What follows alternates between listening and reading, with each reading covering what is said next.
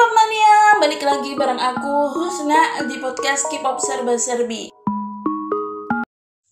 Halo K-pop mania, balik lagi bareng aku Husna di podcast K-pop Serba Serbi. Wah, udah lama ya aku nggak ngebahas drama sama film. Terakhir kali aku ngebahas review 1987 When the Day Comes, itu mungkin satu tahun yang lalu. Dan kali ini aku ingin nge-review dramanya Kim Tae-ri yang lainnya, yang berjudul Mr. Sunshine. Well, Mr. Sunshine is one of the best drama I've ever seen, along with Reply 88 kapan-kapan aku ingin nge-review drama satu ini juga tapi hari ini aku ingin nge-review Mr. Sunshine terlebih dahulu jadi review ini aku bagi menjadi dua sub yaitu pro dan kontra mari kita mulai terlebih dahulu dengan perkenalan apa itu Mr. Sunshine tara tara tara Well, buat kalian yang belum nonton drama ini, aku ingin kalian nonton, terutama jika kalian suka drama sejarah. Mr. Sunshine adalah drama rilisan tahun 2018 kalau nggak salah ya.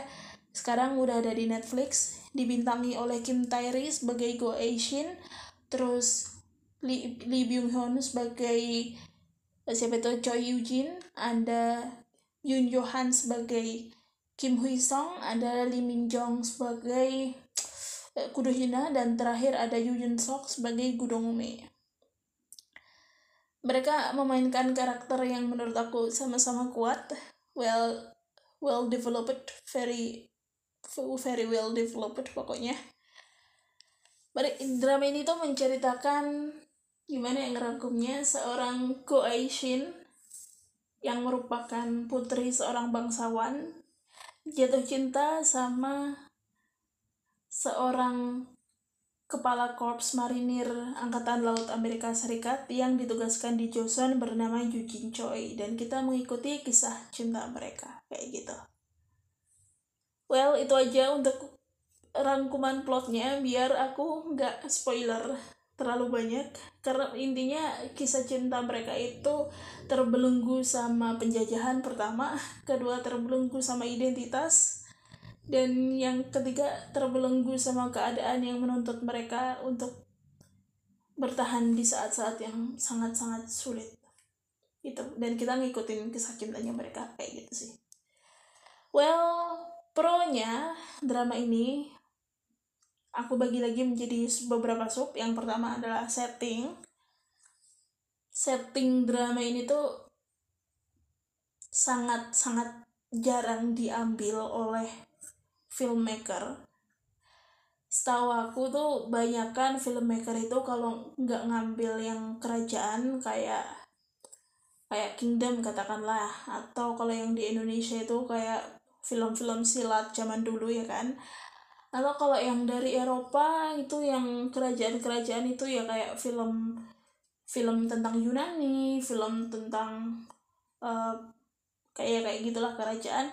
Atau kalau nggak gitu langsung masuk ke zaman penjajahan. Kayak kayak film penjajahan itu kan banyak ya kayak Saving Private Ryan Ryan itu waktu World War World War 2 itu filmnya Hollywood kalau yang versi Indonesia itu juga beberapa film penjajahan itu yang aku tahu banyak lah lumayan ya tapi yang mengambil versi bukan mengambil zaman peralihan itu kayaknya sangat susah ditemui yang aku tahu yang ngambil zaman peralihan itu ya Mr. Sunshine ini sama Bumi Manusia apa sih zaman peralihan? Kalau menurut aku pribadi, zaman peralihan di sini itu diartikan sebagai zaman or, uh, ketika orang mulai berubah dari kerajaan, sebuah negara berubah dari kerajaan ke penjajahan, terutama untuk negara dunia ketiga kayak kita-kita ini.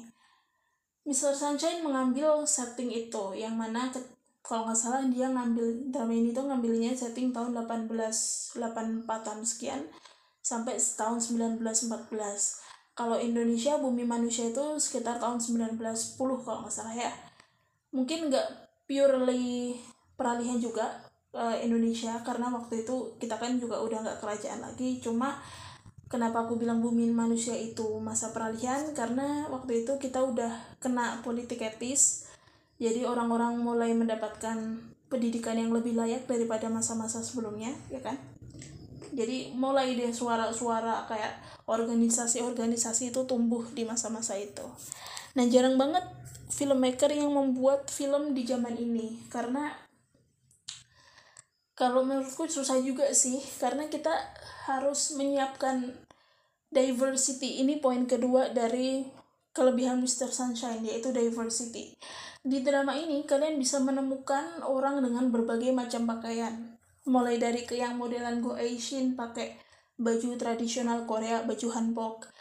Atau kayak kudohina yang udah terkena Eropa terkena Jepang jadi bajunya juga eh, baju-baju ala Eropa zaman segitu.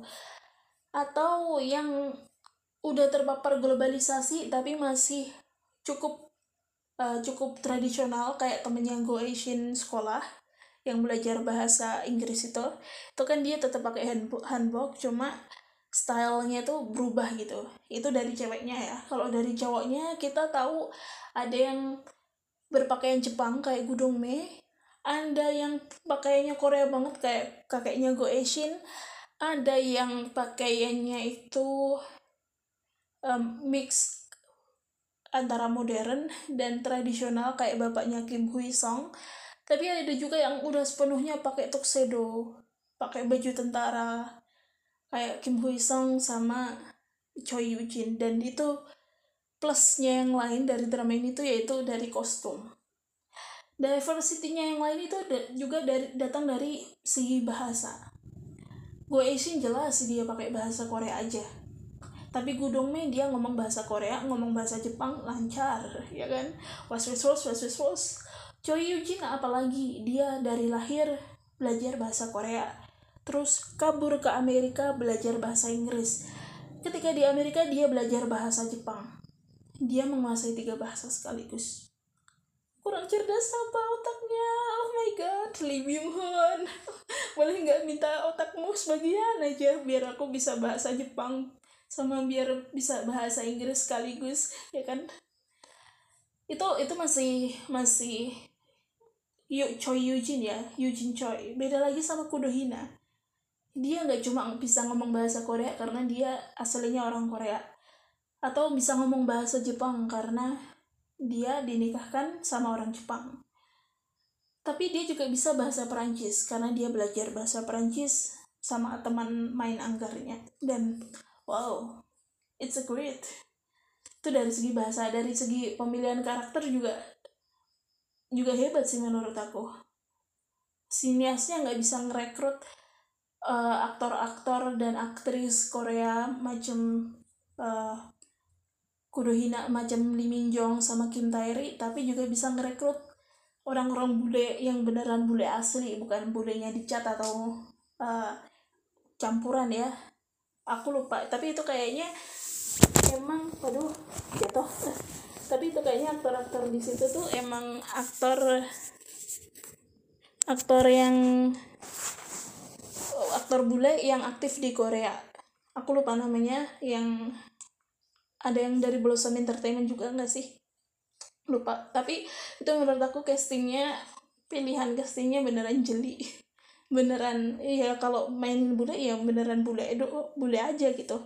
Mungkin kecuali untuk karakter Jepang kali ya. Karena kar ya orang Jepang sama orang Korea kan secara fisik nggak terlalu beda jauh ya kan Cuma walaupun karakter Jepang dimainkan oleh orang Korea itu menurut aku masih believable. Nggak cuma dari segi fisik ya, dari segi ngomong bahasa Jepangnya itu menurut aku masih believable sebagai orang bukan orang Jepang asli gitu. Kayak Kim Nam Hee yang jadi temannya Choi Yoo Jin dan jadi uh, pemimpin tentara yang jahat itu. aku sampai sekarang sebel sama dia itu kelihatannya dia aku kira awalnya dia orang Jepang asli karena dia bahasa Jepangnya menurut aku fasih tapi ternyata dia orang Korea model pantesan jarang lihat itu kalau dari segi setting dari ya setting tempat setting waktu menurut aku one of the best lah dari segi karakterisasi itu poin penting lainnya dari Mr. Sunshine. Secara global, secara keseluruhan, aku bisa menggambarkan karakterisasi Mr. Sunshine itu ke dalam satu kata, yaitu stranger, orang asing.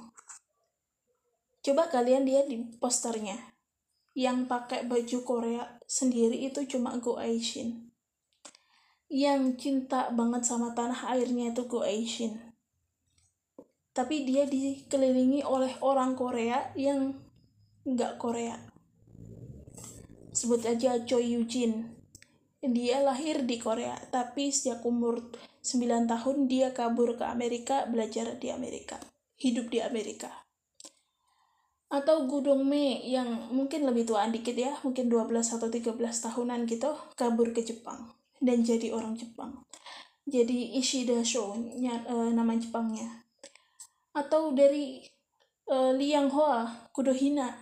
Dia bahkan gak mau disebut Liang Hoa. Dia ingin disebut Kudohina awalnya. Dan dia memang besar di Korea, mungkin ya sampai remaja gitu. Terus sama ayahnya dijual ke orang Jepang, dinikahkan dengan orang Jepang akhirnya dia juga membenci tanah airnya sendiri membenci dirinya yang dulu katakanlah dan yang terakhir ada Kim Hui Song yang mungkin dia nggak punya kebencian tersendiri ke negaranya tapi dia merasa nggak tahu arah. Dia malu untuk jadi Kim Hui Song akhirnya dia memilih untuk tinggal di Jepang aja yang orang-orang nggak tahu siapa dia. Sebelum akhirnya terpaksa kembali ke Korea kayak gitu. Semuanya stranger. Kecuali Go Asian karakterisasi yang kedua menurut aku poin plusnya itu adalah woman stranger woman stronger karakter perempuannya kuat baik Kudohina maupun Go Asian dua-duanya pintar memainkan senjata Go Asian pintar main uh, tembakan pistol. Sementara Kudohina pintar bermain anggar. Gak cuma itu, kehebatan lain dari woman, tokoh woman di sini, khususnya Go Asian itu adalah merubah orang-orang yang sebenarnya stranger tadi menjadi orang-orang yang membela Korea hingga akhir hayatnya. How beautiful it is. Itu, oh my god. Aku bener suka, beneran suka sama karakterisasinya Go Asian dan Go Asian membahas Go Asian gak akan gak akan bisa tanpa membahas seorang Kim Tae-ri. Gapnya dia sama Lee Byung Hun itu belasan tahun loh. Tapi dia bisa mengimbangi karakternya Lee Byung Hun, bisa mengimbangi aktingnya Lee Byung Hun sebagai pasangannya dia di drama. Dia bisa jadi seorang cewek yang anggun ketika jadi bangsawan, ketika jadi Nobel, tapi kemudian dia bisa jadi cowok cewek yang tangguh ketika dia menjadi seorang sniper. Mungkin kalau bukan Kim Tae yang main nggak bisa nggak bisa sempurna kali ya it's just very beautifully done by Kim Tae itu kalau dari segi karakterisasi dari segi plot Mr. Sunshine itu juga terbaik ini menurut aku karya terbaiknya Kim Eun Sok. Aku belum nonton Goblin, nggak nonton Descendant of the Sun, karena menurut aku cheesy. Terakhir aku juga nggak nonton dramanya Kim Gun sama Lee Min Ho itu aku aku lupa judulnya yang rumit itu ceritanya. Tapi aku nonton Kim uh, eh, Mr. Sunshine karena aku suka drama sejarah dan ini nggak mengecewakan sama sekali nggak mengecewakan. Plotnya beneran smooth gitu halus itu baru ketika di episode episode agak akhir gitu dibombardir dengan cerita yang cepat dengan kisah sedih yang cepat gitu. Yang bum bum bum bum gitu. Dari tapi awalnya halus sangat gitu dan by the way kisah cintanya Eugene Choi dan Go Aishin di sini digambarkan tanpa pelukan bahkan pegangan tangan aja jarang. Tapi somehow kita masih merasakan emosinya mereka. Dari apa? Dari tatapan dari aktingnya Kim Tae-ri dan Lee Byung Hun dan tentu saja dari dialog. Dialognya di drama ini tuh well written banget. Puitis menggambarkan cinta yang dalam but somehow nggak nggak nggak frankly speaking gitu nggak nggak blatant nggak oh I love you sarang he. Itu nggak kayak gitu. Lebih ke dalam lebih kayak beneran puitis banget. That is why one of the reason why I live uh, I like this drama karena dialognya beneran ngena beneran bagus. Selain itu dari plotnya selain plot yang smooth itu juga kelebihannya yang lain itu adalah banyak pelajaran sejarah. Dari drama ini aku ingin tahu soal pejuang kebenarannya Korea atau Uyipyong organisasinya tempat Kim uh, tempat Go Asian beroperasi ya kan? Ternyata itu memang ada. Uh, sejarahnya memang orang-orangnya beneran ada. Fotonya yang difoto itu juga emang ada. Dan peristiwa-peristiwanya itu juga sebagian ada kayak uh, pengumuman pembebasan budak gitu kayak misalnya contohnya atau ketika raja turun tahta dan ya pokoknya itulah. Banyak banget pelajaran sejarah yang ada di sini yang ada di drama ini. Kontranya itu cuma satu menurut aku di awal-awal episode itu ceritanya agak lambat. Jadi buat kalian yang nggak suka drama bercerita lambat mungkin ini bukan drama untuk kalian sih. Karena ceritanya beneran lambat di awal. Baru kemudian di beberapa belas episode terakhir gitu baru dibombardir. Cepat cepat cepat cepat. Terus sedih sedih sedih gitu. Aku nggak ingin spoiler di sini tapi ada tokoh utama yang mati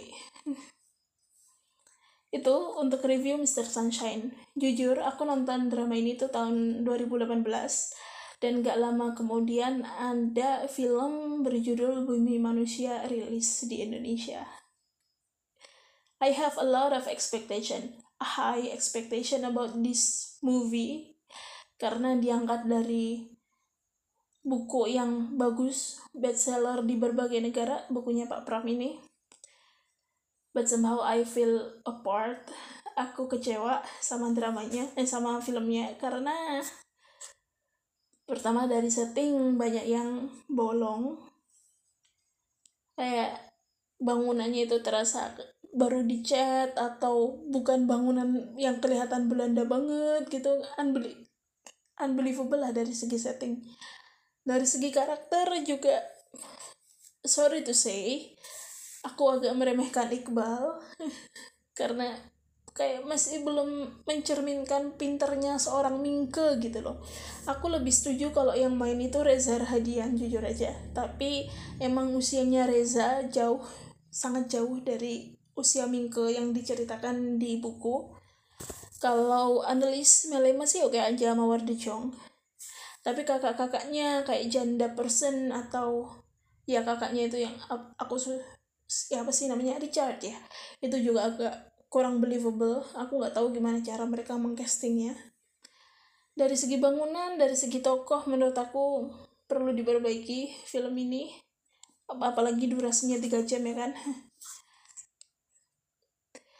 Terus selain itu juga dari segi kostum sih.